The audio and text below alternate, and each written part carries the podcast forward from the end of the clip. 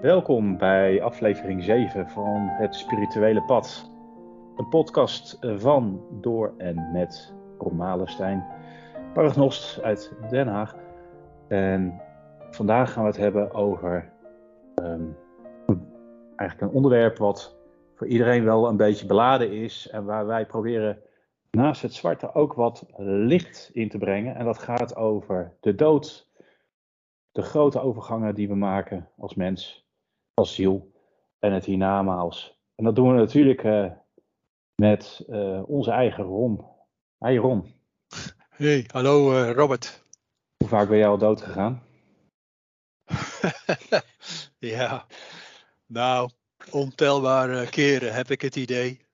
Want hoe meer je erin gaat verdiepen in die materie, en ik heb natuurlijk zelf ook heel veel persoonlijke ervaringen rond het thema, mhm. ja, dan gaat er wel een hele wereld voor je over. Open bedoel ik. De dood is altijd iets waar natuurlijk een enorme taboe op rust hè, in, uh, in onze maatschappij. Hoewel dat de laatste jaren een beetje aan het veranderen is, uh, heb ik gemerkt. Zie je dat ook? Ja, ik heb daar toevallig vandaag nog over zitten na te denken. Een beetje ook voor, uh, voor te bereiden op deze, deze aflevering, de dood. Maar ik denk dat het ook heel erg meespeelt, gewoon, vooral ook hier dan in het Westen, de invloed van de kerk. Van ja, als jij verkeerd bezig bent, ja, dan ga je naar de hel, weet je. Mhm. Of de dingen gaan fout. Dus ik wil te zeggen, bepaalde angst uh, die mensen hiervoor hebben, dat ook een heel gevoelig thema is, hè, want niemand wil iemand loslaten, uh, dat, dat, iemand doodgaat. Maar de invloed van, van de kerk is natuurlijk ook niet bepaald positief geweest.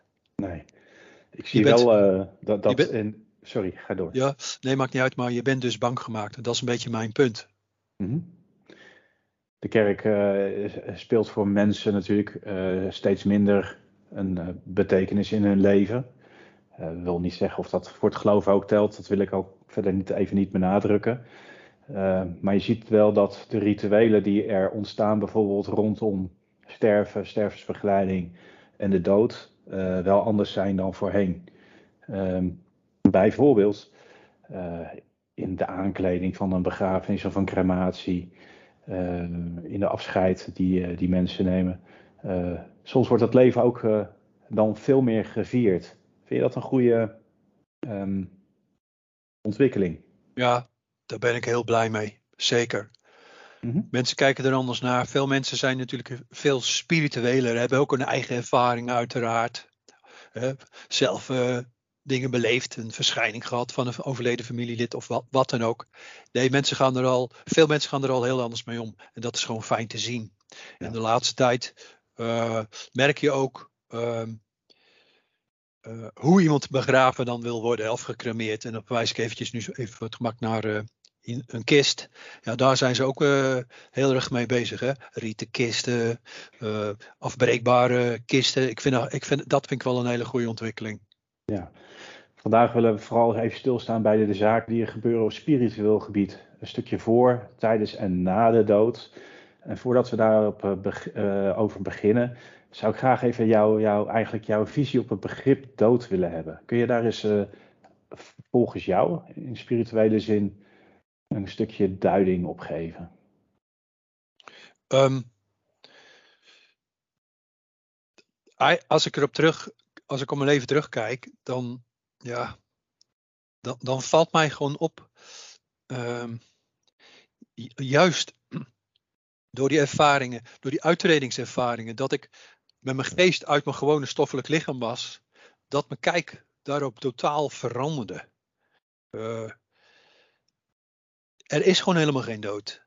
Dat is een beetje wat ik probeer te zeggen. En dat viel mij al op doordat ik met mijn geest uit mijn lichaam was. Er is mhm. gewoon helemaal geen dood.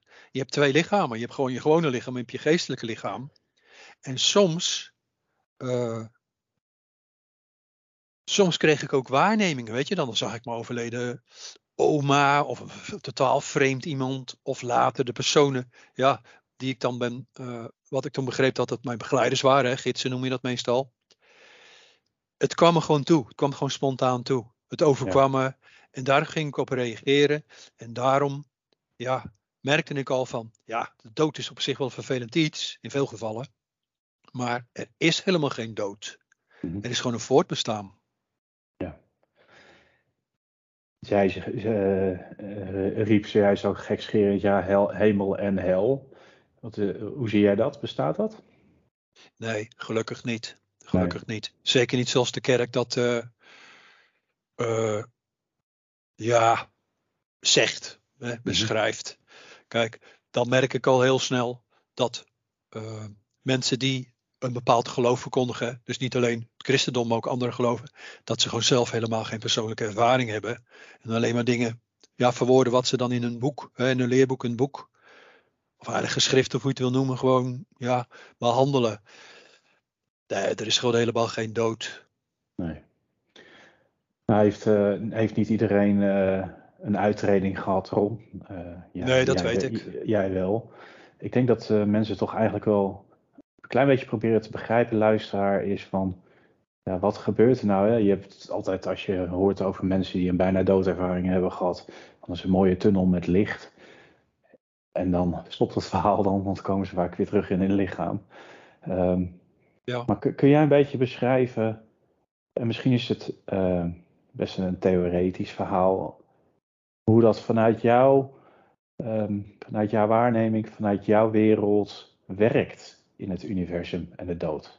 Oké, maar ik wil wel graag direct vooraf zeggen, kijk jij vraagt aan mij natuurlijk van hè, wat zijn jouw ervaringen? En dat is logisch en terecht, maar wat ik uh, vertel en wat ik beschrijf is wel universeel. Er zijn duizenden mensen die dat hebben beleefd en op het mhm. moment ook van alles nog wat beleven. Ja. Maar um, ja, als je uitreedt hè, of iemand uh, die vliegt eruit door een ja, een zwaar auto-ongeluk of het gaat even niet goed tijdens uh, een operatie, narcose, mensen schieten eruit. Gaan met hun geestelijk lichaam uit hun lichaam. Ja, dan, dan, dan kan het zijn dat, dat je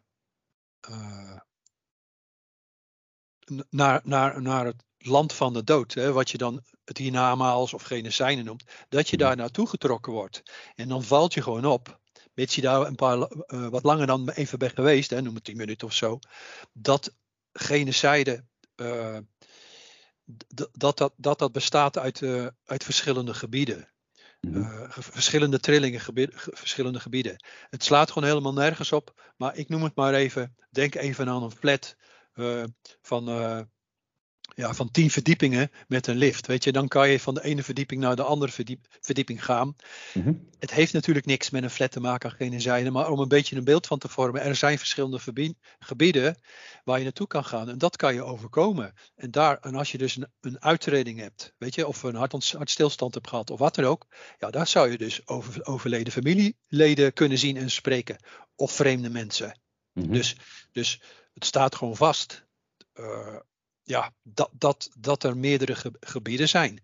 En als je dan vraagt naar hemel en hel, nee, alle gebieden. Het is niet zo. Je, je hebt, je hebt uh, minder fraaie gebieden en, en, en, en, veel lichtere, veel, veel positievere gebieden. Maar zo is het mhm. leven ook op aarde. Als je zoveel mensen, als je mensen bestudeert, wat voor type mensen er zijn, weet je. Heel, heel uh, egoïstisch, zelfzuchtig of vriendelijk, liefdevol, hè, belangstellend naar alles en iedereen en ook naar het leven of naar andere natuurrijken. Je hebt heel veel type mensen, je hebt heel veel type graden, graden van ontwikkeling zou je kunnen zeggen, of misschien makkelijker gezegd verschillende evolutiepunten van de mensen. Maar mhm. dat zie je terug aan gene zijde. Dat zie je gewoon daar. Daar zijn verschillende gebieden. Dus hemel en hel, uh, dat is veel te abstract, veel te vaag. En er komt nog eens een keertje bij van um, ja, er is helemaal geen vuur in de hel. Weet je, dat kom je helemaal niet tegen. Dat, is, dat, is, dat, dat, dat, dat, staat meer voor negativiteit, voor, voor vuur in je hart, weet je, hartstocht. Op, op een, dan een lage negatieve manier bedoel, bedoel ik. Hè? Er is helemaal geen vuur en dat soort dingen. Dat is allemaal onzin. Oké. Ik heb wel eens gelezen over de sferen van licht. Is dat wat je daarmee bedoelt met dat flatgebouw en die verdiepingen? Ja, er zijn zeg maar uh, donkere gebieden met, met uh, onbewuste vervelende mensen. Even kort door de mhm. bocht, hè, simpel verwoord. En je hebt gebieden waar mensen veel meer liefde hebben ontwikkeld door de levens heen. Uh, Veel meer bewustzijn, gevoel. En, en, en die gebieden zien er gewoon lichter uit. En die noemen ze sferen, gebieden van, van licht. Ja. Oké. En maakt het dan wat uit hoe je je leven hebt geleden op aarde, waar je dan uiteindelijk terechtkomt? Of ja. is dat. Ja? Ja. Um, hoe, je, hoe je. Kijk, ik heb dus uh, begrepen, geleerd, ervaren, voor een deel dan, dat er veel meer levens zijn. Hè? Dat we echt niet alleen maar dit leven hebben nu, dat ons leven maar eenmalig is. Gelukkig zou ik bijna zeggen. Er zijn heel veel levens. We hebben heel veel levens gehad allemaal. We, we, leven nu ons huidig leven en er zullen nog heel veel levens volgen. Mhm. Nog niet eens alleen op de aarde, maar zelfs nog op een andere planeet. Maar daar gaat het nu eventjes mij, mij, mij niet om. Hoe je nu voelt, hoe je nu denkt, hoe je nu voelt, wat je uitspreekt naar anderen of wat, wat je voorhoudt, dat zou je kunnen zien als uh, een bepaald uh, niveau van bewustzijn, een bepaald uh, punt van evolutie. Dus hoe je nu bent, hoe je nu vibreert, dat is een bepaalde trilling. Mhm. En de trilling die je op dit moment hebt, uh, je zal als het nu jou, vandaag jouw dood zou zijn, hè, stel gewoon voor, ga je naar een gebied wat overeenkomt met jouw innerlijke ontwikkeling, met de trilling die jij hebt. Dus met wat voor type aura jij, jij hebt. Dus je gaat regelrecht naar een gebied waar jij qua, qua ontwikkeling, evolutiepunt, thuis hoort. Ja. En je had dat eerder al in podcasts over de kosmische wetten. Hè? En daar kwam onder andere de wet van reïncarnatie en de wet van karma uh, aan bod. Uh, dat zou betekenen dat er ook regels zijn over hoe je je leven zou moeten leven voordat je doodgaat. Klopt dat? Ja, dat is gewoon zo. Maar mm daar moeten we eigenlijk niet moeilijk over doen. Moeten we eigenlijk niet te ver gaan zoeken. Het, het gaat gewoon eigenlijk alleen maar over om, om, om, uh, ja, om gevoel, om liefde, om, om, om ja, inzichten. Uh, ben je meer op jezelf gericht, hè? Tot, tot, tot ja, e-, egoïstisch aan toe, hè? Zwaar, en, uh, zwaar zelfzuchtig. Of sta je ook open voor andere mensen? Wil je ook graag dat andere mensen uh, zich goed voelen, gelukkig zijn? Mhm. Wil je, wil, je, wil je mensen toestoppen of wil je alleen maar op hun verdienen, van hun afnemen? Dat bepaalt heel erg um, jouw, jouw, jouw, jouw innerlijk, jouw trilling. En waar je dan later, als het jouw tijd is, naar gene zijde uh, uh, naartoe gaat. In dat opzicht is, de, is de, de kerk of het geloof dan niet heel anders, zou ik zeggen. Want die zeggen ook van ja, heb je uw naaste lief uh, alsof het u zelf is. Um, ja, dat klopt. Dat, dat, klopt. Ja, dat is gewoon, gewoon zo. Alleen is het jammer als we dan praten nu even concreet christendom. Ja, kijk, ik weet ook niet precies in welk jaar uh, na Christus dat allemaal is opgeschreven. Hè. Er zijn natuurlijk ook al dingen voor, voor het jaar nul geschreven. Hè. Ik denk even in de buurt van uh, ja, de Dode Zee is dat geloof ik, hè, de Essene. Ja, daar werd ook al het een en ander uh, opgeschreven. Maar inzichten, zaken die verwoord zijn, spirituele zaken, religieuze zaken, spirituele zaken. Ja, wat toen, toen opgeschreven is in, in het jaar 50 na Christus, of weet je, on, of 120 jaar na Christus. Ja, hoe dat toen beschreven is. en hoe het dan nu gelezen wordt of beleefd of begrepen, ja, daar zit natuurlijk wel, wel een enorm verschil in. Ik bedoel, je praat over een aantal zaken, maar nu, nu zijn we natuurlijk allemaal veel wijzer en hebben we, allerlei zelf, hebben we zelf ook allerlei eh, dingen ervaren. Dat is natuurlijk wel heel anders. Ik bedoel, toen was het misschien als voorbeeld gegeven, weet je, of wat abstract of zo. Maar veel zaken, niet, niet om vervelend te doen naar het christendom, dat bedoel ik helemaal niet, maar veel dingen kloppen van geen kant. Oké bij essentie uh, streeft ieder geloof wel naar een stuk vervulling van liefde voor alles wat er op zo'n planeet leeft, toch? Tenminste, dat, dat is zo. als, als ik de grote boeken lees, is dat vaak de, de, de kernboodschap wel. Hè, of dat nou de Torah is, uh, of, of het grote boek uh, van de islam, de Koran. Of, uh, eigenlijk komen ze eigenlijk altijd vaak wel op hetzelfde neer. Daar heb je gelijk in, dat is ook zo. Dat is universeel. Dat draait het gewoon om. En ja, weet je, heel even eenvoudig verwoord. Ja, wat doe jij dan in je leven? Wat doe je voor jezelf? Wat doe je voor anderen? En vooral ja. met nadruk, als je verder wil groeien, wat doe je ook voor anderen? Niet alleen voor jezelf. Ja. Dus je hebt een taak in het leven. Er zijn kosmische wetten. Uh, uh, je mag niet uh, in feite volgens je kosmische wetten alleen maar voor jezelf leven. materialisme, wat natuurlijk behoorlijk ja, verankerd is in, in de westerse wereld, zeker. als jij goed hebt verdiend, ga je dan een hogere trilling? Noem eens wat voorbeeldjes. Nou ja, weet je, ehm, dat je probeert ehm, wat zaken voor jezelf te regelen, wat, wat materiële dingen, dat, daar is helemaal niks mis mee. Dat, dat, wat wil, dat wil eigenlijk uiteindelijk iedereen doen, weet je.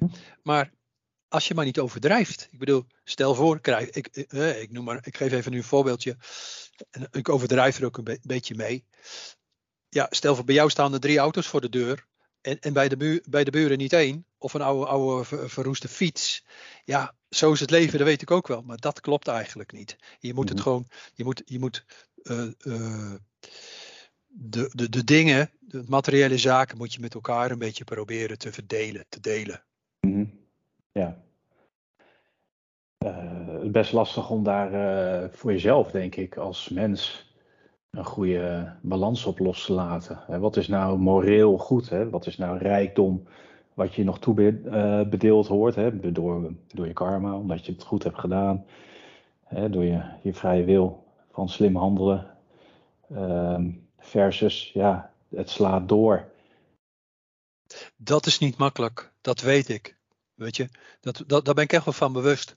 Maar probeer zoveel mogelijk naar je eigen gevoel uh, naar ere geweten ja, te handelen. Probeer je best te doen. Maak, maak er wat van. Werk het uit. En je kan niet uh, in een week tijd alles in één keer helemaal omgooien, veranderen of zo. Weet je, spiritueel groeien, dat, dat, dat gaat stapsgewijs. Ik zou bijna zeggen met allemaal hele kleine midi-inwijdingjes.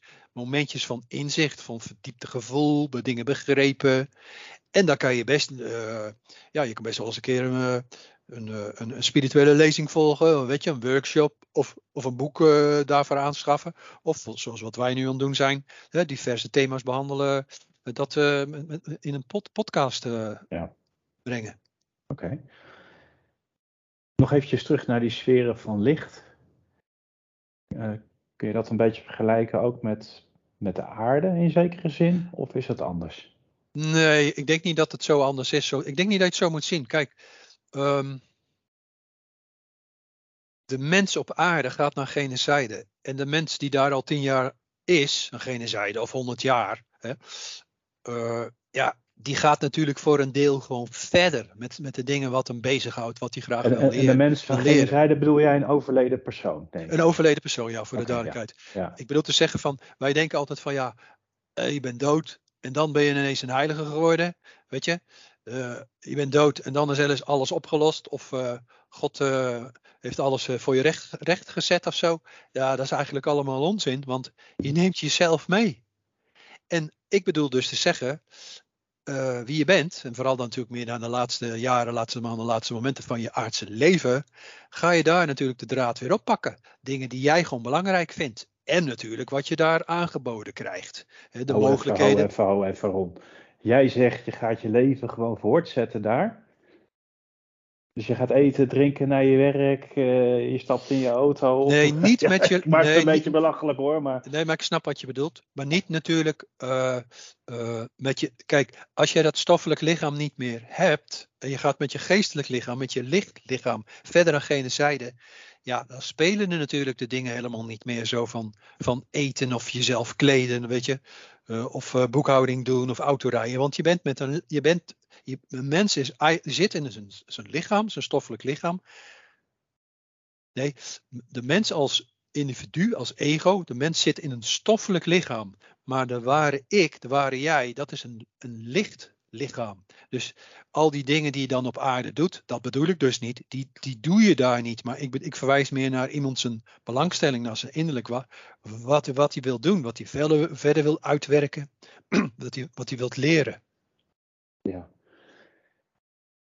Dus er blijft gewoon een, een pad, zeg maar, om uh, ja, nog meer in een hoger segment te komen, hogere sfeer, zeg maar. Ja, ik denk dat je het zo moet zien. Ja. Sorry. Dus de mens um, is eigenlijk dan niet uitgeleerd. Nee, de mens is helemaal nooit uitgeleerd. Dat gaat maar door. Ik denk eigenlijk wel eeuwig zelfs. Hè, want uh, er is geen stilstand in dat, dat opzicht. Maar ik denk dat het, het beter is om te zeggen. Ik denk dat het makkelijker is om, uh, om daar dan een beeld van te vormen. Je kan op aarde uh, duizend richtingen op. Ik, ik denk eventjes nu aan studies of baan of een vak, weet je. Maar aan gene zijde kan je ook gewoon duizend richtingen op, als je wilt. Ja. Uh, dus uh, er zijn daar ook gewoon taken en verantwoordelijkheden die je moet volbrengen. Dus het is niet zo dat je lekker op een wolkje kan, uh, kan liggen uitrusten van je, van je aard, aards bestaan. Nou ja, weet je, er zijn wel mensen die geen belangstelling hebben om aan zichzelf te werken, om verder te groeien, om dingen te gaan aanpakken. Maar dat heb je natuurlijk op de aarde ook. Ja. Als iemand zo op aarde is, zal die hoogstwaarschijnlijk ook wel een gene zijde zijn. Heeft die belangstelling in het leven op aarde en in zijn medemens of wat dan ook, zal die daar ook gewoon hebben. Er zijn gewoon heel veel mogelijkheden. En in die zin, ja, is het gewoon denk ik beter om te zien van zoveel anders is het niet aan, aan, aan, aan gene zijde. De mens neemt zichzelf mee en gaat daar gewoon weer verder. Ja. Nou, we hebben het al een paar keer gehad in de podcast over eh, de wet van reïncarnatie ook. Uh, dat betekent dat sommige mensen aan gene zijde ook weer terugkomen in een ander stoffelijk lichaam op aarde. Klopt hè? Ja, dat klopt. Wat is de reden waarom we dan moeten reïncarneren? Um, Als we al, al, die lessen toch aan de andere kant ook al kunnen leren. Ja. Um, ja, dat is wel een hele pittige vraag. Oh. ja, dat geeft niks. Maar weet je, allereerst, ja, is het voor ons geregeld? Ik kan het gewoon niet anders zeggen. Is het voor ons geregeld, het hogere, de schepper of God of hoe je het wil noemen, het hogere, het hogere uh, heeft ervoor gezorgd dat er dus, waar je al naar verwees, hè, dat er dus kosmische wetten zijn. Hè? De wet van wedergeboorte, de wet van oorzaak en gevolg. Ja. ja, jij komt op aarde gewoon terug om te groeien in liefde, in liefde, in gevoel te groeien. Ja, mm -hmm. dat, dat, dat, dat klinkt stom, maar dat is eigenlijk niet eens een vrijwillige keuze. Weet je? Dat, dat ondergaan wij, dat beleven wij gewoon. En dat heeft te maken, dus natuurlijk dan ook, daar ontstaat ook dus de evolutie uit. uit uh, ja, in, in, um, in al die levens, en vooral dan eventjes in het verleden, ja, hij heeft goede dingen gedaan en natuurlijk ook minder goede dingen gedaan. En juist door die kosmische wetten in, in, uh, uh, die in het heelal werken, aan deze zijde en gene zijde, ja, kan het gewoon zijn dat er dat er misschien uh, de komende uh, maand hè, voor, de, voor de luisteraar, dat, dat daar zometeen een opdracht gaat uh, komen. Dat je een nieuw iemand gaat ontmoeten, of dat, dat, dat een, een relatie, vriendschap ten einde komt. Weet je, dat je voorbereid wordt. eigenlijk strakjes over een half jaar, ik noem nu maar een tijd, dat er iemand anders in je leven gaat komen. Ja, het, het programma wat wij de zaken die wij op aarde meemaken, dat is niet zomaar. Dat, dat, dat wordt echt gewoon begeleid op de, op de achtergrond. Uh, uh, maar je moet het hele programma in feite doorlopen. Ja, ja. ja. En dat is een heel ingewikkeld iets. Maar mm. even heel snel verwoord, de dingen die je tegenkomt, dat heeft veelal te maken met zaken uit andere tijden, aan andere levens. Ja.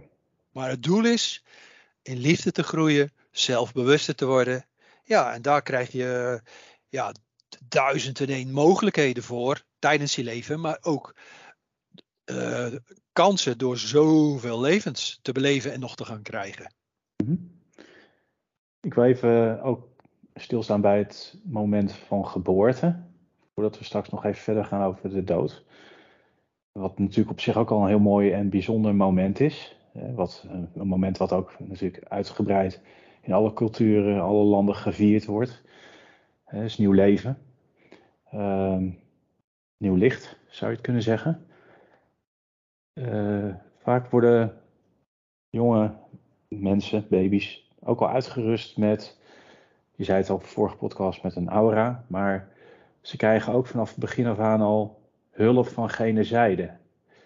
Jij noemde het wel eens eerder gidsen, schermengelen. Kun, kun je daar eens iets over vertellen?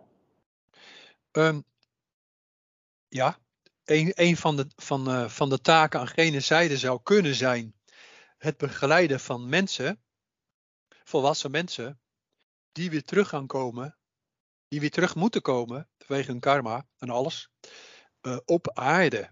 Dus een, persoon, jij en ik, hè, zoveel jaar geleden, ja, wij zijn natuurlijk naar de aarde gebracht. En ja, mens, dat, dat zou een baan, uh, werk kunnen zijn van iemand. Weet je, dat er dus weer een ziel, een persoon op aarde gebracht uh, kan worden. Maar het wordt ook begeleid, wat ik noem, uh, het engelenrijk. En in dit geval de karma-engelen die dat begeleiden. Dat hele mhm. proces. Niet alleen de mens, maar beide dan. Een soort samenwerkingsverband zou je kunnen zeggen. Um, maar dat is een mooi iets. Ik heb, ik heb zelf meerdere, ik heb meerdere kinderen. Ik heb meerdere keren meegemaakt dat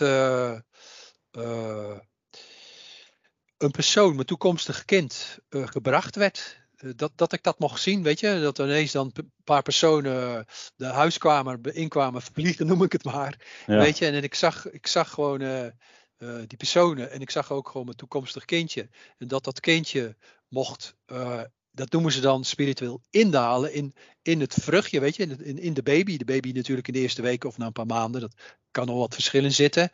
Maar dat, dat heb ik meerdere keren mogen zien en voelen. Dat is wel een wonderlijk iets hoor. Dat, kan ik me heel goed voorstellen. Ik ga dat bijna visualiseren. En dat brengt me eigenlijk ook gelijk op een vraag die ik heb, eh, Ron. Dat duidt erop dat dat hele proces van geboorte en dood en dat die reis die je op aarde mag doormaken, ja, bijna iets is wat eh, een privilege is voor mensen. Een, een, Klopt dat? Ja, vind ik wel. Ik, ik denk dat jij verwijst naar van mens kan, krijgt weer een kans op aarde. Bedoel je het zo? Mhm, ja, ja dat, dat is het ook zo. Want kijk, er kunnen zeg maar, uh, ik noem maar een getal, miljoen mensen nu op aarde zijn. Maar geloof me, er zijn misschien wel 100 miljoen mensen die aan gene zijde uh, wachten tot zij ook weer verder uh, willen. En daar wil, wil ik niet mee zeggen dat iedereen zoveel behoefte heeft om weer naar de aarde te gaan. Dat bedoel ik niet. Maar geloof me, wij hebben wel een kans gekregen om er wat van te maken, om weer verder te gaan. Maar, maar aan de andere kant zullen, zullen jouw plekje heel graag willen hebben.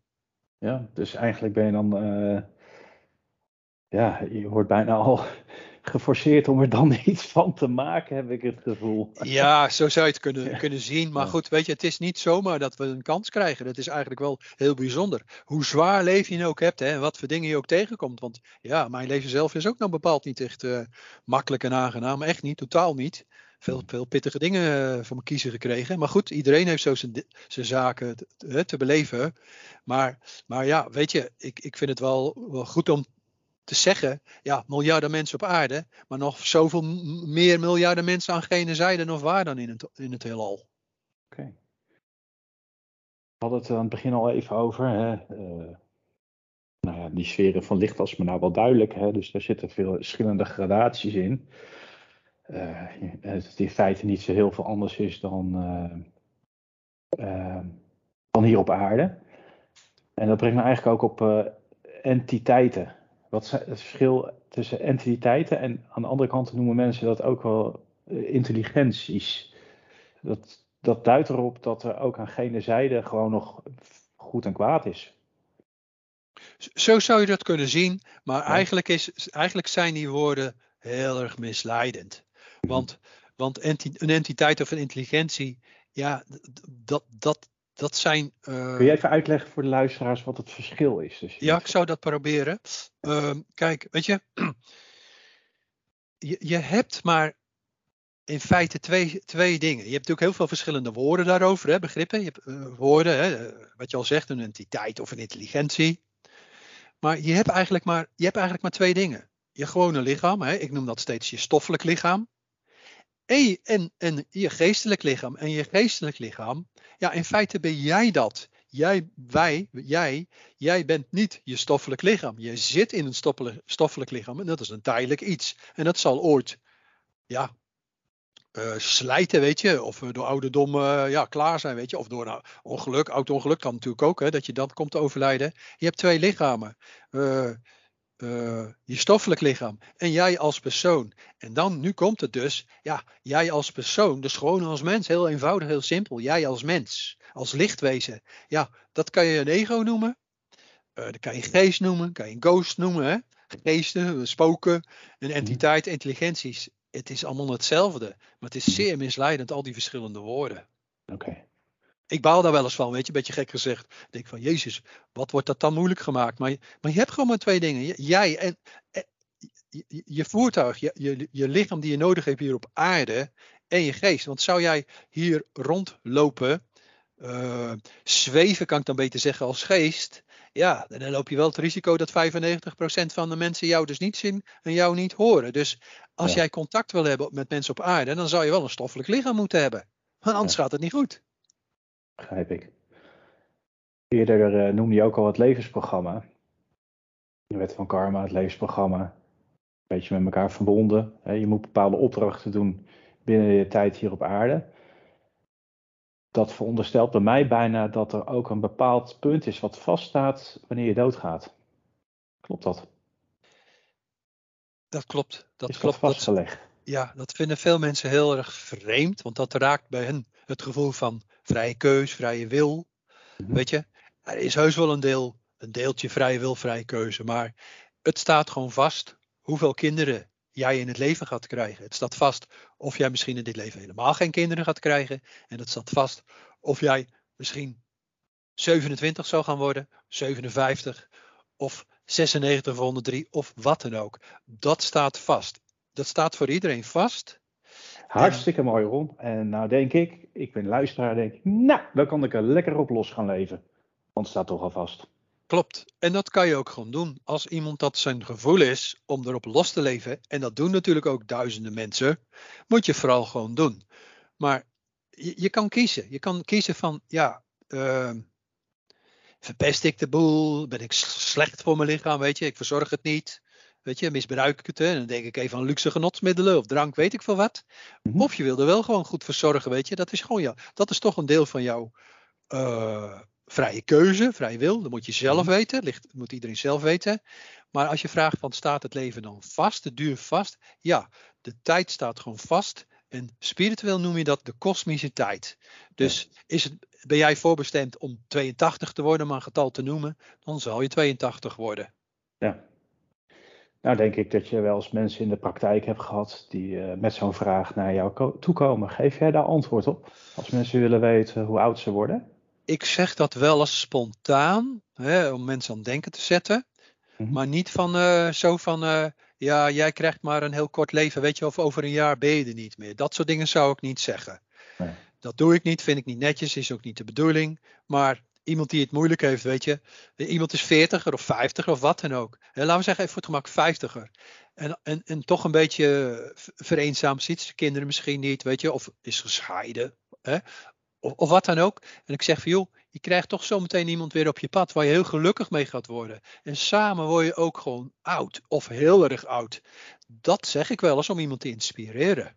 Ja. Maar ik ga niet zeggen van, uh, ik zou nou maar even maar je hele familie afbellen deze week. Klinkt een beetje bot om, ik bedoel het niet bot. Van, want volgende week is het wel klaar. Ja, ja, in mijn leven en natuurlijk ook taal van andere mensen die die gevoeligheid hebben, hè, voorkennis hebben, voorvoelen of helder zien. Ja, voor mij is het niet zo. Voor mij is het eigenlijk al, uh, ja, van, van kleuterpeuter, zeker de lagere school, een normaal iets van, ja, volgende week uh, uh, kan iemand een auto, een zware auto-ongeluk krijgen, weet je, of doodgaan, of, of daar breekt een oorlog uit, of over een jaar krijgt iemand kanker of wat dan ook. Ja, mm als je die gevoeligheid hebt, hè, zo noem ik dat dan, hè, die paranormale gevoeligheid, ja, dan ga je gewoon dingen beleven, wat ik maar even noem dan voor het gemak het begin, de geboorte of het start van een bedrijf of het start van een nieuwe baan. Maar je krijgt natuurlijk ook te maken met de andere zijde. Dat kan natuurlijk niet anders. De andere kant bedoel ik. Ik bedoel van ja, een bedrijf kan failliet gaan, iemand kan doodgaan. Hè, uh, nou ja, enzovoort. Weet je, het heeft gewoon twee kanten. En die mooie kant daarvan, die leuke kant, ja, die, die verdraagt iedereen wel. Dat is echt zo moeilijk niet. Weet je, kan je mensen blij maken. Maar die andere zijde, van ja, eh, nu ben je hartstikke verliefd op elkaar. Maar over twee jaar wordt een van de twee personen verliefd op de ander. Ja, dat is dan niet zo makkelijk, hè? Of iemand gaat dood, zijn partner gaat dood. Of dat kan zeggen van ja, je kan verliefd zijn, hartstikke leuk, leuk huwelijk. Maar je krijgt, uiteindelijk krijg je wel uh, drie huwelijken, want twee partners zullen vrij vroeg sterven. Kan je dus niet zeggen, dat is mijn punt. Oké. Ehm, zie jij verschil tussen mensen, want jij doet het werk al uh, bijna je hele leven, of tenminste de praktijk, die, uh, die heb je natuurlijk al meer dan 40 jaar zo ongeveer. Um, je hebt dus mensen meegemaakt die op het randje van de dood staan, die naar jou toe komen. En mensen die vol in het leven staan. Wat, wat, wat zie jij anders bij deze personen dan mensen die nog een tijd te gaan hebben, om het zo maar te zeggen? Uh, je voelt gewoon aan hun aura, aan hun geest. Ik, ik, neem nu even het voorbeeld maar even voor voor, van, van ziekte. Hè? Ik denk even aan kanker of andere ziektes. slecht hart of zo, aan kanker. Ehm, mensen gaan andere, een aura, dat kan je zien als een wolk, een wolk van energie. Uh, hun, hun energie, hun gezondheidsaura wil ik dan extra benadrukken. Ja, die gaat gewoon anders uitstralen. Dat, dat, dat, dat, wordt rommeliger, vager, uh, grauwer, uh, minder krachtig. Weet je, dat verandert. Dus je kan, je kan gewoon lezen aan, aan iemand zijn energie, aan iemand zijn aura, dat, dat, het, dat het bijna gedaan is. Ja. En, en, en weet je, het is wederom weer een rare vergelijking, maar het schiet me te binnen van Iemand heeft een jas of een schoen zoveel gebruikt dat je bijna ziet van ja, die jas valt uit elkaar. Weet je, of die schoenen, die zool is versleten, weet je. Het slaat gewoon nergens op, maar je kan dus wel degelijk aan iemand voelen. In principe kan iedereen wel veel voelen hoor. Van ja, dat loopt toch ten einde. En nu verwijs ik wel naar ziekte, maar het kan ook zijn van dat een persoon misschien helemaal niet ziek is, maar dat je toch al aan de uitstraling kan zien van de persoon, kan zien of voelen, het is bijna klaar. Snap ik. Nu best een beetje een persoonlijke vraag. Uh, nee, of niet persoonlijk naar jou, maar wat heel persoonlijk voor mensen kan zijn, is uh, als, jij, als zij bij jou komen en ze voelen dat een einde nadert, is hoe kun je mensen een beetje voorbereiden op dat moment? Het zal misschien voor ieder, ieder mens verschillen, maar zijn er gewoon wel dingen die je kan doen om je op dat moment voor te bereiden. Heel veel mensen leven natuurlijk letterlijk in doodsangst ook voordat ze afreizen, om het zo maar te zeggen. Ja, dat klopt. Dat klopt. Uh, maar ik merk wel, omdat natuurlijk steeds meer mensen de laatste jaren steeds meer belangstelling hebben voor spirituele zaken. Veel mensen hebben toch al wel best basiskennis of basisinzichten. Mm Maar iemand die daar heel benauwd voor, voor, voor, is, ja, dat is, dat is niet eenvoudig. Maar weet je, um, het is een pittig iets, dat weet ik. Maar kijk, je, je gaat mensen loslaten. Mensen zijn, die achterblijven zijn natuurlijk nog niet klaar met hun leven. Hè? Dat is dan eenmaal zo. Maar je gaat wel weer mensen die je eerder kwijtgeraakt bent door de dood, ga je wel weer zien. Dus als je denkt van, hé, hey, mijn vroeg overleden broer of mijn moeder eh, die vroeg overleden is, of wie dan ook, hè, of vrienden, die ga je wel weer zien. Dus dat geeft natuurlijk ook wel weer, ja, ik noem het maar kracht. Mhm. Maar ja, het, het, het, is een onderwerp ja, wat, wat, wat omringd is met veel pijn, uh, ellende en verdriet. Dat, dat weet ik ook wel. Maar het is niet alleen maar negatief. Dat is het gewoon niet. Als jij, hè, ik denk nu even aan van, ja, je bent een 70er of een 80er. Kan ook zelfs 30er zijn hoor. Maar laten we zeggen, iemand is oud geworden. Maar die is uh, aan alle kanten versleten. Ik noem het dan maar gewoon even grof. Die is half kreupel geworden. Weet je, niet onaardig bedoeld natuurlijk, maar ik noem het maar even zo. Hè? Mhm. Ja, diegene kan natuurlijk ook wel blij zijn. Die denkt van ja, als ik dat gewoon dat jasje, dit lichaam uit kan trekken. En ik krijg straks, uh, kan straks verder weer, uh, weer lekker uh, vrij zijn. Weet je, dat ik dat, al die pijnen die in mijn lichaam, wat ik van mijn lichaam heb, dan niet meer heb. Ja, kan natuurlijk ook gewoon een hele op, opluchting zijn. Weet je, een goed gevoel. Het heeft gewoon twee kanten. Is er ook een stukje begeleiding op, op zo'n sterfbed, zeg maar? Hoe, ja. hoe moet ik dat zien? Weet je, het beste is om te zien als je bezig bent met je laatste maanden, je laatste uh, weken, dagen, uren. Mhm. Je hebt begeleiding, laten we even zeggen voor het gemak, hè? maar het geldt ook voor thuis, van iemand heeft hulp in het ziekenhuis. Hè? Een team, hè? verpleegkundige, artsen, weet ik wel wie. Dat, dat vindt ook plaats bij een persoon die, die, die misschien binnen een paar weken zal gaan sterven daar heb je dus ook al mensen die actief bezig zijn, die jou begeleiden, jou helpen, voorbereiden, zodat jij straks dan, wanneer het je echt je kosmische tijd is, de tijd van doodgaan, dat je dan die kant op gaat. Dus niemand sterft alleen. Je kan op aarde in eenzaamheid sterven, hè, dat je geen familie meer, vrienden hebt of wat dan ook. Maar vanuit gene zijde heeft iedereen hulp en begeleiding van meerdere personen. Dus je kan het zien als een soort medisch team wat er voor je klaar staat. Ja, maar dat lijkt me best lastig als er een auto-ongeluk plaatsvindt en iemand wordt zomaar uit het leven gerukt. Ja, dat is heel erg moeilijk. Dat, dat, dat, kijk, mensen vragen wel eens aan mij van hoe gaat het hè, met iemand die een auto-ongeluk heeft gehad of wat dan ook. Van het een op het andere moment uit het leven is gerukt. Daar hebben we het mhm. over. Mensen vragen dan aan mij. Ja, en dan geven ze dus een foto van die persoon. En dan vraag ik natuurlijk al voor de consult hulp, hè, advies. Hoe, hoe is dat? Wat mag ik zeggen? Wat mag ik doorkrijgen? Maar mensen die, mensen, zeker ook meer jongere mensen, dertigers, veertigers, ja, die in één keer uit hun leven gerukt zijn, ja, die hebben de eerste weken, eerste maanden natuurlijk niet direct vrede met de situatie. Voor velen is dat best wel lastig om dat een plekje te geven, want ze hebben, ze hebben zich niet kunnen voorbereiden. Ze zijn zomaar eruit gerukt in één keer, weet je. Ze hebben geen mhm. afscheid kunnen nemen. Niet elke persoon vindt dat even makkelijk. Voor de achterblijvers op aarde natuurlijk ook niet, want in de momenten, hè, s morgen zie je de persoon en s morgen zie je hem niet meer. Dat is voor de achterblijvers op aarde ook heel erg lastig. Maar zeker ook voor de personen die komen te overlijden. Dus in mijn waarnemingen krijg ik dan filmpjes te zien, dan zie ik dat en dan probeer ik dat te beschrijven. Maar ik moet er wel bij zeggen dat ook voor hun uh, ja, lieve vrienden zijn, familieleden, gidsen, dokters, begeleiding. Weet je, ze worden echt wel, iedereen wordt wel opgevangen. Mhm. Iedereen wordt opgevangen op een liefdevolle manier. Maar als jij op aarde alles afwijst, hè, je, hebt af en toe van die, je hebt ook wel van die negatieve mensen die alles afwijzen. Ja, die gaan het natuurlijk daar ook gewoon doen. Maar ja, dan denken zij aan gene zijde, ja, we hebben tien keer gevraagd of je, wat kunnen we voor je betekenen, kunnen helpen, hè, of gesprekken voeren. Ja, als, men, als mensen het afwijzen, ja, dan, dan, dan, dan, dat is natuurlijk dan hun eigen keus. Maar er is dus begeleiding voor iedereen, voor jong en oud. Oké. Eh, hoe zit dat met uh, uh, mensen die kampen met depressieve gedachten, denken aan de dood, of mensen die in het laatste stukje hulp nodig hebben of willen bij sterven, raad jij aan bijvoorbeeld om euthanasie te plegen? Kijk, ik zei al een paar keer in de podcast, hè, van je hebt kosmische wetten. Er zijn gewoon wetten. En mhm. ja, dit, dit ligt natuurlijk heel erg gevoelig. Dat moet, kijk, allereerst wil ik gewoon toch wel graag zeggen, dit soort zaken, dat moet je gewoon naar eigen gevoel doen. Weet je, zoveel je kan natuurlijk. En je moet natuurlijk wel de helderheid natuurlijk hebben. Want ik net de depressief ben, daar is dat heel erg moeilijk. Je moet daar een beetje voorzichtig mee zijn. Dat is wat ik bedoel. Weet je, zaken zoals euthanasie, zelfmoord, abortus plegen. Moet je wel een beetje voorzichtig mee zijn. Maar ja, als je Kun je nou dat eens uitleggen? Omdat, ja, ik zou proberen. Weet je Robert, want ik zat er al aan te denken. Ik dacht gewoon even aan. Ik denk eventjes aan tien personen die uh, ja, eruit willen stappen. Het zat zijn, weet je. Door van alles en nog wat. Het kan innerlijke pijnen zijn, kan stoffelijke pijnen zijn, het kan eenzaamheid zijn, kan van alles zijn. Je hebt tien mensen, laten we zeggen zwaarmoedig, depressief.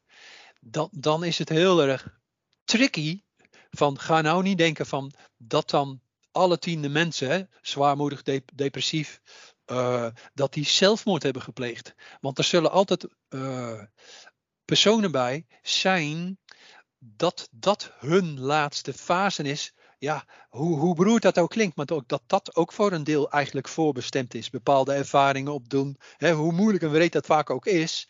Niet elke zelfmoord van de buitenkant is zelfmoord. Dat is wat ik probeer te zeggen. Dus ga niet oordelen over anderen, want je, wint, je, je, je, je weet toch niet precies de feiten. Ik ook niet hoor, overigens hoor. Soms een beetje, maar ik ook niet. Dat is ook niet wat ik wil, wil zeggen. Maar er zijn kosmische wetten stap daar niet zomaar uit, uit het dus leven. Het, het, kan soms, uh, zeg medisch worden verantwoord als zijn het is een zelfmoord. Maar dat ja, of hoeft euthanasie. Se, of euthanasie, maar dat hoeft niet zo te zijn. Nee, kijk, weet je, iemand die, die, die, die echt stikt van de pijn, hè, laat maar gewoon da, uh, simpele taal gebruiken. Iemand die stikt van de pijn en die heeft kanker of een andere ziekte. Maar laten we zeggen kanker. Je gaat echt gewoon pijn. En, en je weet gewoon van ja, als je die grote hoeveelheden pijnstillers gaan geven. En dan denk ik even aan morfine of zo. Ja, dan weet je ook gewoon van ja, eh, nog een beetje erbij en zijn hart gaat stilstaan. Dan kan je zeggen van ja, uh, passieve euthanasie kan je dat geloof ik wel noemen. Hè? Dat is anders dan actief. Maar weet je, of je, helpt, je geeft iemand een zetje naar, naar gene zijde, hoe raar het klinkt. Kijk, ik denk dan bij mezelf, ik ben blij dat in deze tijd die pijnstillers zijn. Om maar een voorbeeldje te geven, weet je. Maar iedereen weet van ja, geef je meer medicijnen, dan houdt het hart niet vol. Dus diegene zou, uh, ja, uh, misschien nog twee dagen hebben of een dag of twee uur, snap je? Dus ja, wij moeten er wel voorzichtig mee zijn. Maar wat ik probeer te zeggen, en dat is een heel gevoelig onderwerp, dat weet ik. Ieder mens heeft wel zijn kosmische tijd. En als jij twee dagen of twee jaar daar vroeger uitstapt dan jouw kosmische tijd, is niet verstandig. Dat is niet verstandig. Want, mag je, dat mag je wel even uitleggen. Waarom is ja, dat, dat dan niet verstandig? Ik dat is, dat is natuurlijk terecht dat je doorvraagt, maar ik probeer een heel klein beetje het uit de weg te gaan. Weet je, ik ga er wel proberen een antwoord op te geven, Robert. Dat bedoel ik niet. Maar ik moet mm. een beetje voorzichtig zijn, want iedereen heeft zo zijn eigen gedachten daarover. Mm. En ik heb natuurlijk ook wel aan dit soort onderwerpen met mensen me flink gebrand. Weet je, ik ben ook wel op mijn hoede. Weet je, vandaar mijn reactie en voorzichtigheid. Maar voor iedereen is een kosmische tijd. Dat kan 14 jaar zijn, kan 56 jaar zijn, kan 96 zijn. Weet je, of, of misschien. Uh, anderhalf jaar, maar goed, daar gaat het nou eventjes niet om. Je moet daar wel heel zorgvuldig mee omgaan. Je moet daar wel heel voorzichtig mee zijn. En denken van, ja, weet je, even kort door de bocht nu hè. Ja, ik ben 55 of 75. Ik heb het wel gehad. Ik heb er geen zin meer, weet je. Iemand is eigenlijk nog wel goed bij verstand en nog zijn lichaam functioneert. En die denkt van ja, ik heb er eigenlijk geen zin meer. Een soort luxe van ja, ik stap er maar uit. Ja, als die kosmische tijd niet is, ja, dan ga je jezelf dus wel in de problemen helpen. Want dat betekent dus dat je je kosmische tijd niet hebt gehaald. En dan heel eenvoudig verwoord, kom je als het ware uh, in een soort, ja, ik noem het maar grijs gebied of kelder, weet je. Je kan niet echt verder, je mag nog niet echt verder dan jouw kosmische tijd.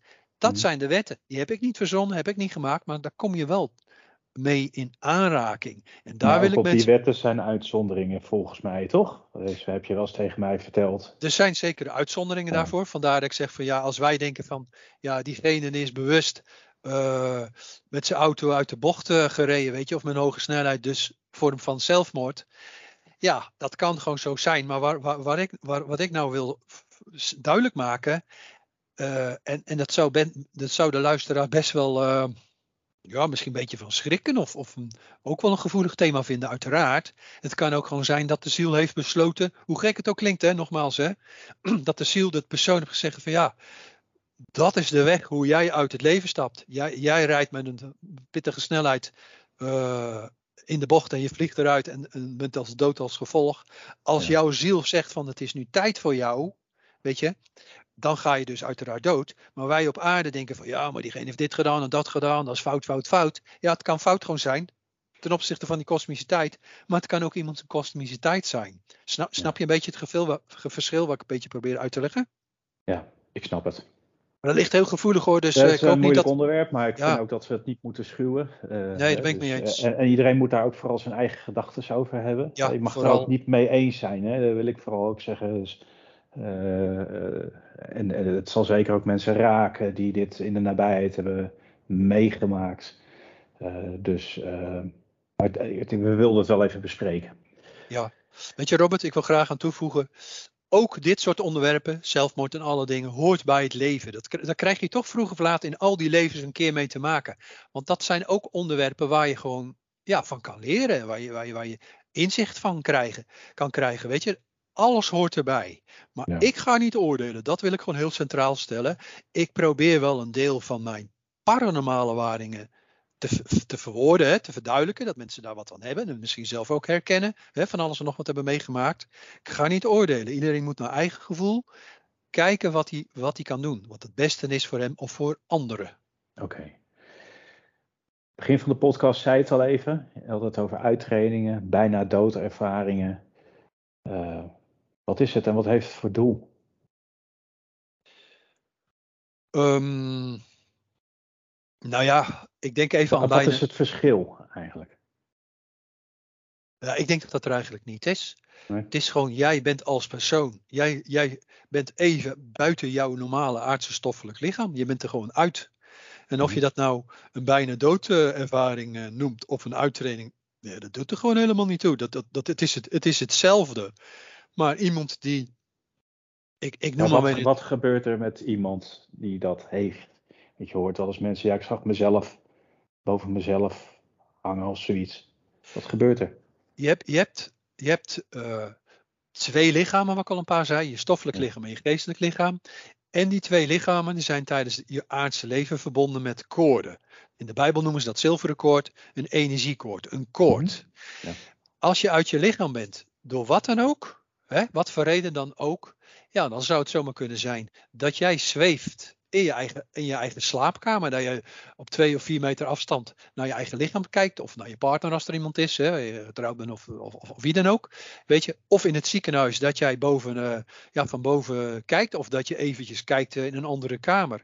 Je kan uh, je verplaatsen met je geestelijk lichaam op een hele eenvoudige manier.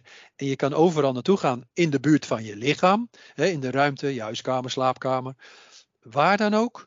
Maar het kan ook gewoon zijn dat je even uh, naar gene zijde gaat of meegenomen wordt, zelfs door familieleden of gidsen, dat je daar even ja, tien minuten, een uurtje of wat dan ook mag kijken. Oké. De hele wereld gaat voor me open, Ron. Ehm, maar uiteindelijk gaat ook bij mij de wereld uh, voor mij afgesloten worden. En uh, deze podcast gaan we zo meteen ook afsluiten. Ik wil daar nog wel eventjes bij stilstaan op het moment van overlijden bij mensen. Gelukkig gaan de meeste mensen gewoon op een normale manier. Hè, laat ik het er maar eens even zeggen. Zonder al te veel gekkigheid. Kan natuurlijk wel zijn door ziekte of ouderdom of weet ik veel wat. Maar ik wil even stilstaan bij dat moment. Hè, of, of de momenten voordat dat punt daar is.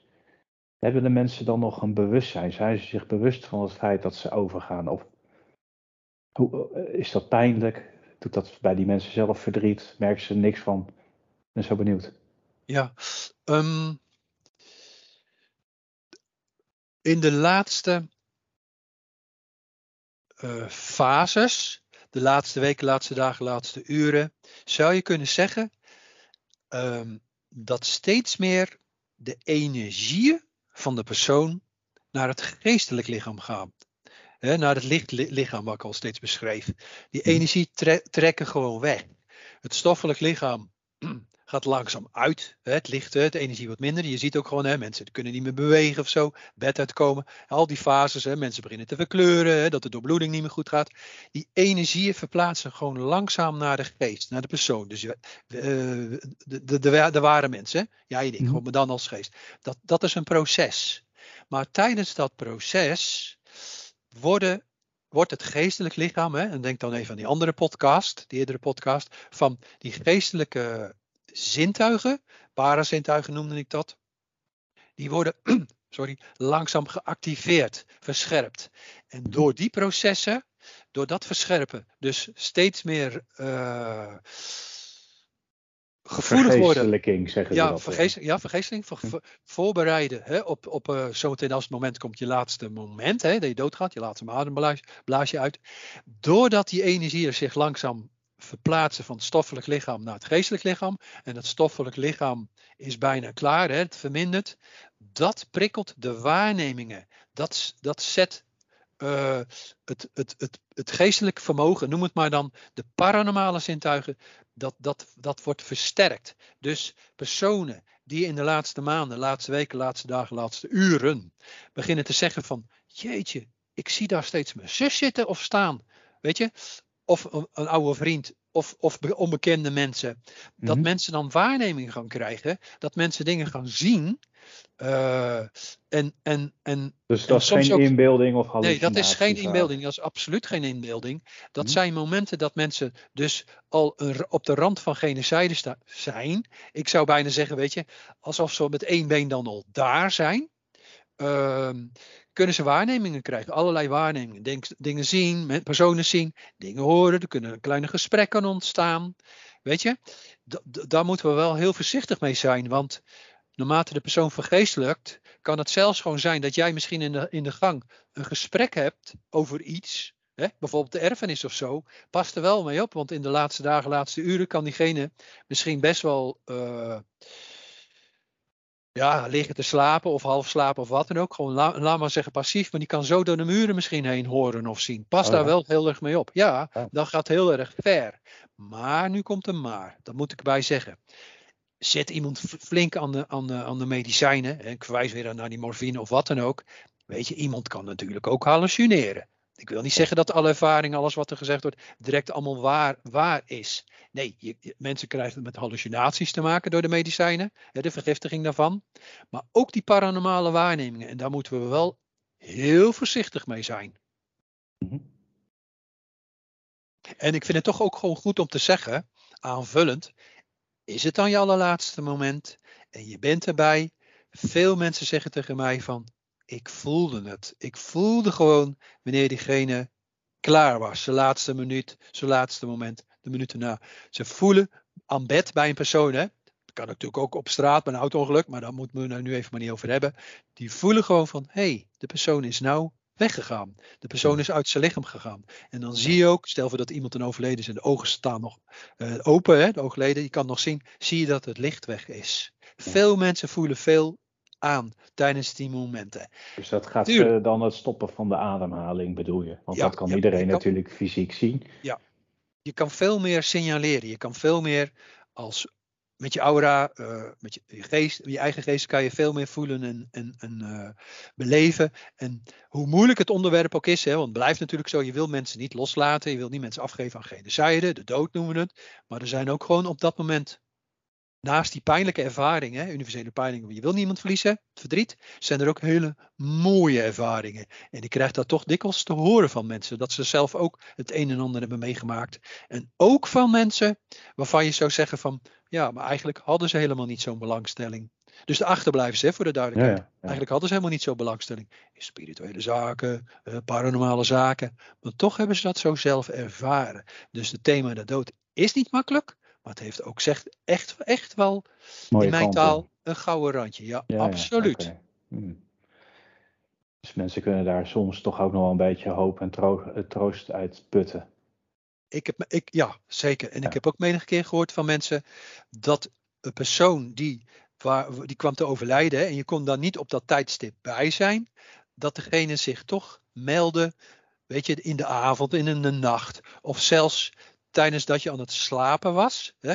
Gewoon aan het slapen, maar dat diegene gewoon toch naar jou toe kwam om even afscheid te nemen tijdens jouw slaap. Dus iemand staat dan uh, in de aura. Hè? Je, bent, je bent aan het slapen naast je bed en die komt in jouw aura te staan en, en projecteert toch bepaalde uh, beelden op jou, hè, telepathisch, hè, we hierover gehad. Van, hé hey joh, het gaat goed nu bij, bij me. Het is jammer dat je me even geen afscheid konden nemen, maar het is goed zo. Je hoort heel vaak dat soort verhalen. Oké. Goed, dan heb je afscheid genomen. Dan ligt er nog een stoffelijk lichaam, hè, zoals jij dat zo mooi zegt. Uh, dat is helemaal klaar dan toch? Daar hoef je niks meer mee.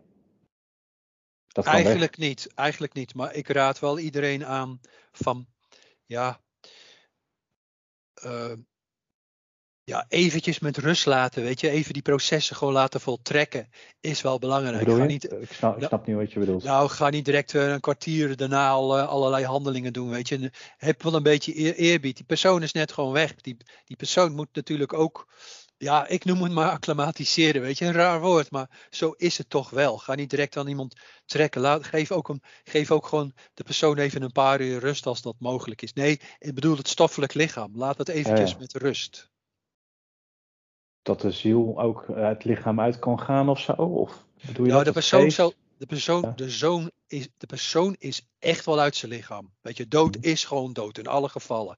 Echt dood bedoel ik, hè? Gewoon dood is dood. Als dat koord, wat ik al beschreef, stoffelijk lichaam, geestelijk lichaam, als dat koord verbroken is, door, uh, verbroken is, maar ook geholpen door, door geen, artsen van geen zijde, als dat koord verbroken is, is het echt wel dood.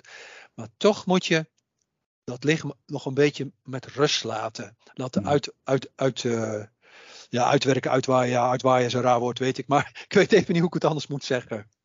Ja. Um, je hoort veel, dus nee, dan gaan we een beetje zeg maar, naar het afscheid nemen. Hè. We hebben daar veel rituelen voor. Uh, vroeger was het begraven, nu is het cremeren. Maakt eigenlijk geen zak uit, hoor ik je zeggen.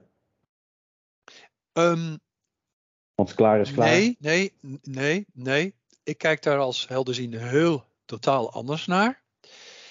Kijk, de dood is wel de dood. De persoon gaat voort naar genocide. Oké, mhm. gewoon normaal gesproken. Hè? Normaal in de meeste gevallen gaat nog genocide, gaat gewoon verder. Maar het lichaam, het stoffelijk lichaam blijft achter. Maar toch, en dat is voor veel luisteraars denk ik nieuw, maar ook wel een beetje lastig maar ik wil niet moeilijk gaan doen. Toch is het beter uh, om te kiezen voor begraving. Want het is heel moeilijk voor mij om dat uit te leggen, om dat juist te verwoorden, maar ik wil toch proberen.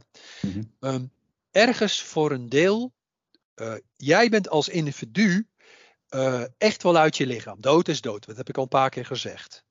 Maar dat wil nog niet zeggen dat op een bepaalde golflengte bepaalde energieën uh, van je stoffelijk lichaam, dat moet nog een beetje loslaten, noem het ontbinden. Dus ik heb het niet over de persoon geest zodanig, maar zijn energieën moeten wel langzaam terugvloeien naar de geest. En, en daarom verwijs ik naar de ontbinding. Eigenlijk is het beter om te, om te, om te, te begraven, zodat die processen, die aura-energieën, gewoon langzaam naar de, naar de individu kunnen uh, gaan. Dus dood is echt wel dood, maar dat proces is anders. En als je dan kiest voor uh, crematie, moet iedereen zelf weten, dat is ook mijn punt niet.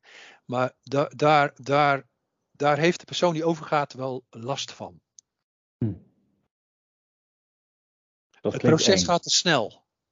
Oké. Hm.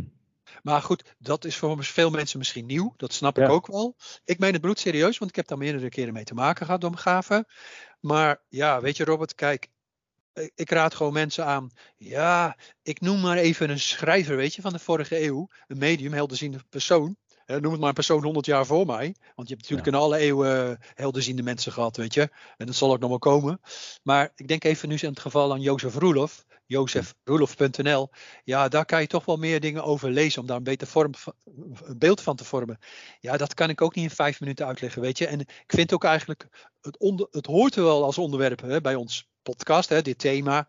Maar ik wil daar mensen geen naar gevoel over geven. Ik wil alleen maar benadrukken met de podcast dat er wel degelijk allerlei kosmische wetten zijn. Wetten. Zowel voor de geboorte, maar ook voor de dood. En het is, ik, ik, wil, ik bedoel eigenlijk alleen maar van mensen als, als mensen, belangstellenden, daar meer over willen weten. Ja, ga het dan opzoeken. Bijvoorbeeld ja. bij Roelof of zo, of andere schrijvers. Roelof hebben we al een keertje eerder besproken in de podcast. Uh, een hele bekende uh, paragnost geweest in de vorige eeuw. Uh, van een heel hoog niveau zeg je altijd ook. Hè? Klopt. Niet altijd, hij was wel enigszins controversieel, hè? dat zeg ik er wel even bij. Zeker voor die tijd. Ehm, dus lees het ook als je dat soort artikelen van hem leest. Het is trouwens in oud-Nederlands, best lastig. Uh, lees het dan met een goede blik op die tijd, zeg maar. De, de tijdsgeest, ik denk dat dat heel belangrijk is. Nee. Heb, je helemaal, heb je helemaal gelijk in. Want het werd, het, het werd expres, van in die tijd, hè, want het was natuurlijk bijna een eeuw geleden, werd het expres een beetje gekleurd, weet je.